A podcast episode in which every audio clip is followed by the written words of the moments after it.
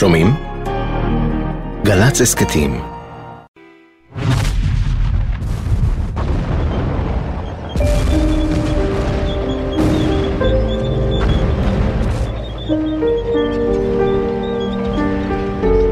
בלילה החשוך ההוא על גדות הסואץ יצר אלוהי המלחמה מראה שלעולם לא יישכח.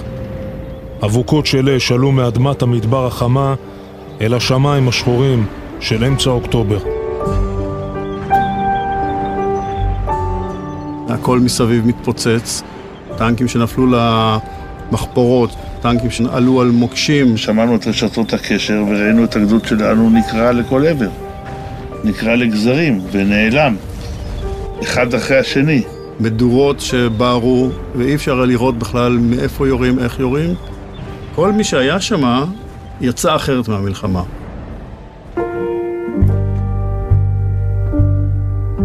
עשרה ימים לפני כן, בערב יום הכיפורים, הגיע שלמה בריילובסקי, שלוימיק, מפקד מחלקה בשריון, לחופשת חג בבית אחותו כרמית ובעלה יובב, בראשון לציון.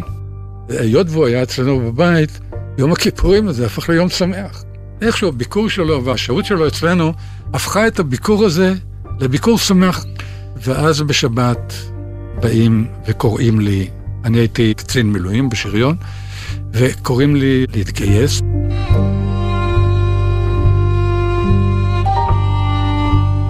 כרמית ממהרת לדחוס כל מה שרק אפשר לתוך תיק המילואים של בעלה, והם יוצאים יחד לנקודת האיסוף שבה אמור היה יובב להתייצב בראשון לציון. כשהיא שבה הביתה, מתברר לה שגם אחיה הקטן, שלוימיק, יצא למלחמה. שלוימיק פשוט הבין שהוא צריך ללכת, ולא חיכה שיקראו לו, הוא רץ מהר.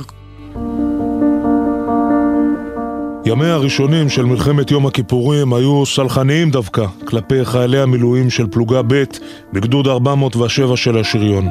מפקד הפלוגה היה סרן גדעון גלעדי, קיבוצניק מאשדות יעקב. במקור הוא היה צנחן, אלא שלאחר נפילת אחיו הצעיר, השריונר, בקרבות ששת הימים, הוא החליט להצטרף לשריון. לצידו עמד כמעט תמיד מפקד מחלקה שלוש, סגן משנה שלמה בריילובסקי, שלוימיק.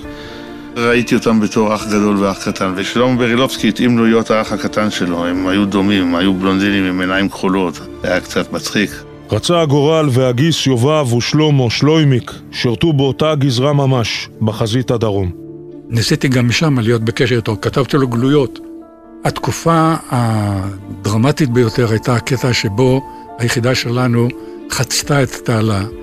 כאשר עברנו לצד השני, אני התחלתי לחפש את שלוימיק במצרים.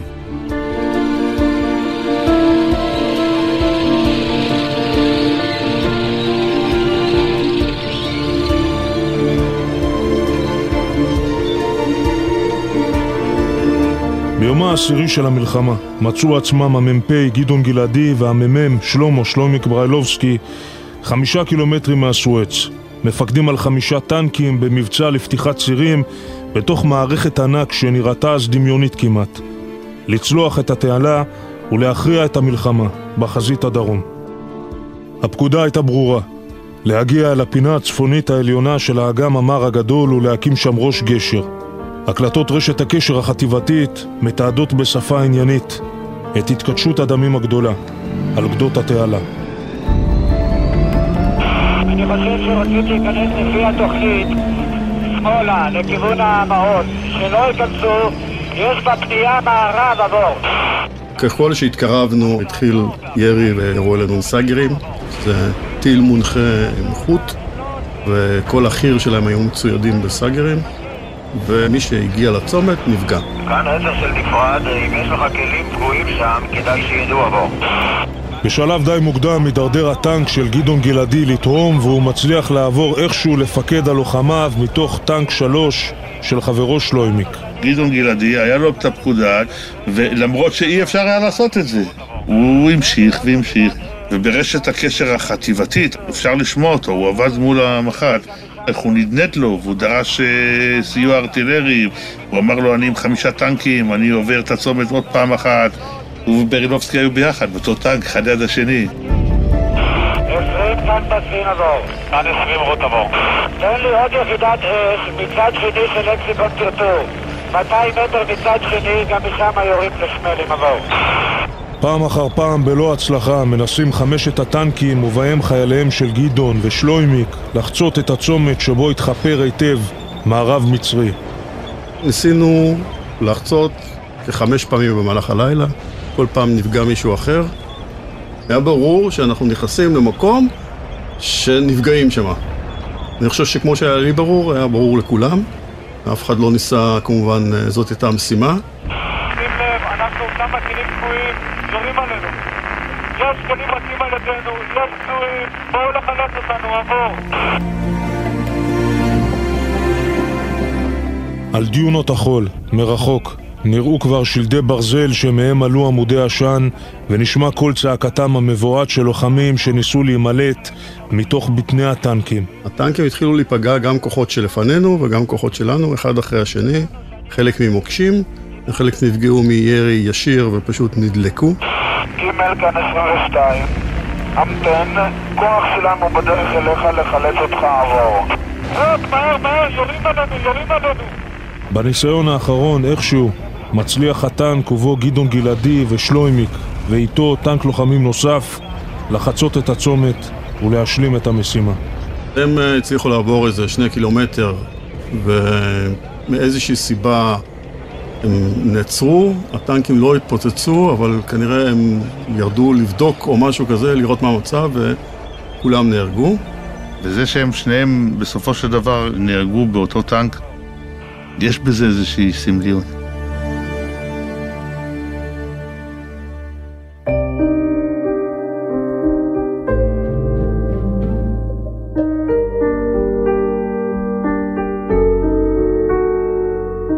התחלתי לחפש את שלוימיק כמו משוגע. אני ממש הייתי אחוז תזזית. הייתי מוכרח לברר מה קורה עם שלוימיק, כי לא ידעו עליו שום דבר. ואני הסתובבתי שמה באזור המצרי, והגעתי לכל מקום שהייתה שם איזושהי יחידת שריון שחצתה את התעלה, ושאלתי אותם, אולי אתם מכירים את שלוימיק? באיזה יחידה אתם? איפה הייתם? מה אתם יודעים על שלוימיק? אף אחד לא ידע לומר מילה על שלוימיק, וזה שיגע אותי.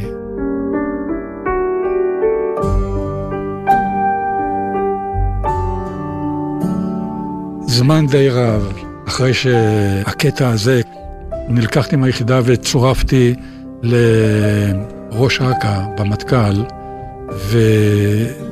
ואני עזרתי לו בנושא הזה של, של קשר עם משפחות הנעדרים.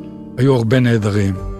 ואז יום אחד הזמינו אותי למשרד של מי שמתעסק בנושא הזה, וביקשו ממני לזהות צילומים שמהם היה לי ברור ששלוימיק איננו יותר, ששלוימיק נהרג. זה צילומים שאני לא אשכח לעולם.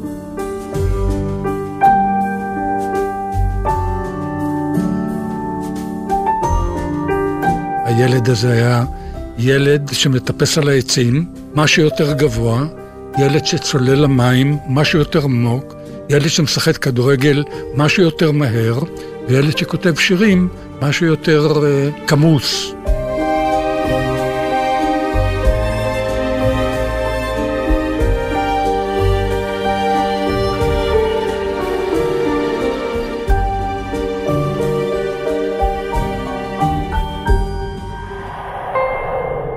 סגן שלמה בריילובסקי, בן 27 מנתניה. מפקד מחלקת טנקים בחטיבה 600 בחיל השריון. נפל ביומה ה-11 של מלחמת יום הכיפורים, ב-16 באוקטובר 1973, בקרב הדמים בציר טרטור לקסיקון בחזית סיני. נטמן בבית העלמין הצבאי בנתניה. בעזבונו נמצאו שירים שכתב. מתוכם בחר שלמה גורניך לבצע את השיר "הבוקר". כשהוצע לי להשתתף בפרויקט, מיד נכנסתי לרצינות ולכדרות שבבסיס כל העניין, שזה בעצם להלחין שיר של חייל שנפל, שאיננו עוד. ואני, שאני למוד שכול, אחי נפל ב-73, ישר אמרתי שאני לא רוצה לרדת לאבל ולכובד ולדיכאון, אלא אני אחפש טקסט שהוא מעל העצב והשכול. ואחרי שחיפשתי כל כך הרבה, פתאום ראיתי על דף, זה שש שורות ולא יותר, שישר שכנעו אותי, הבוקר שוב דמו העצים למפרשים, והאדמה הייתה גלים.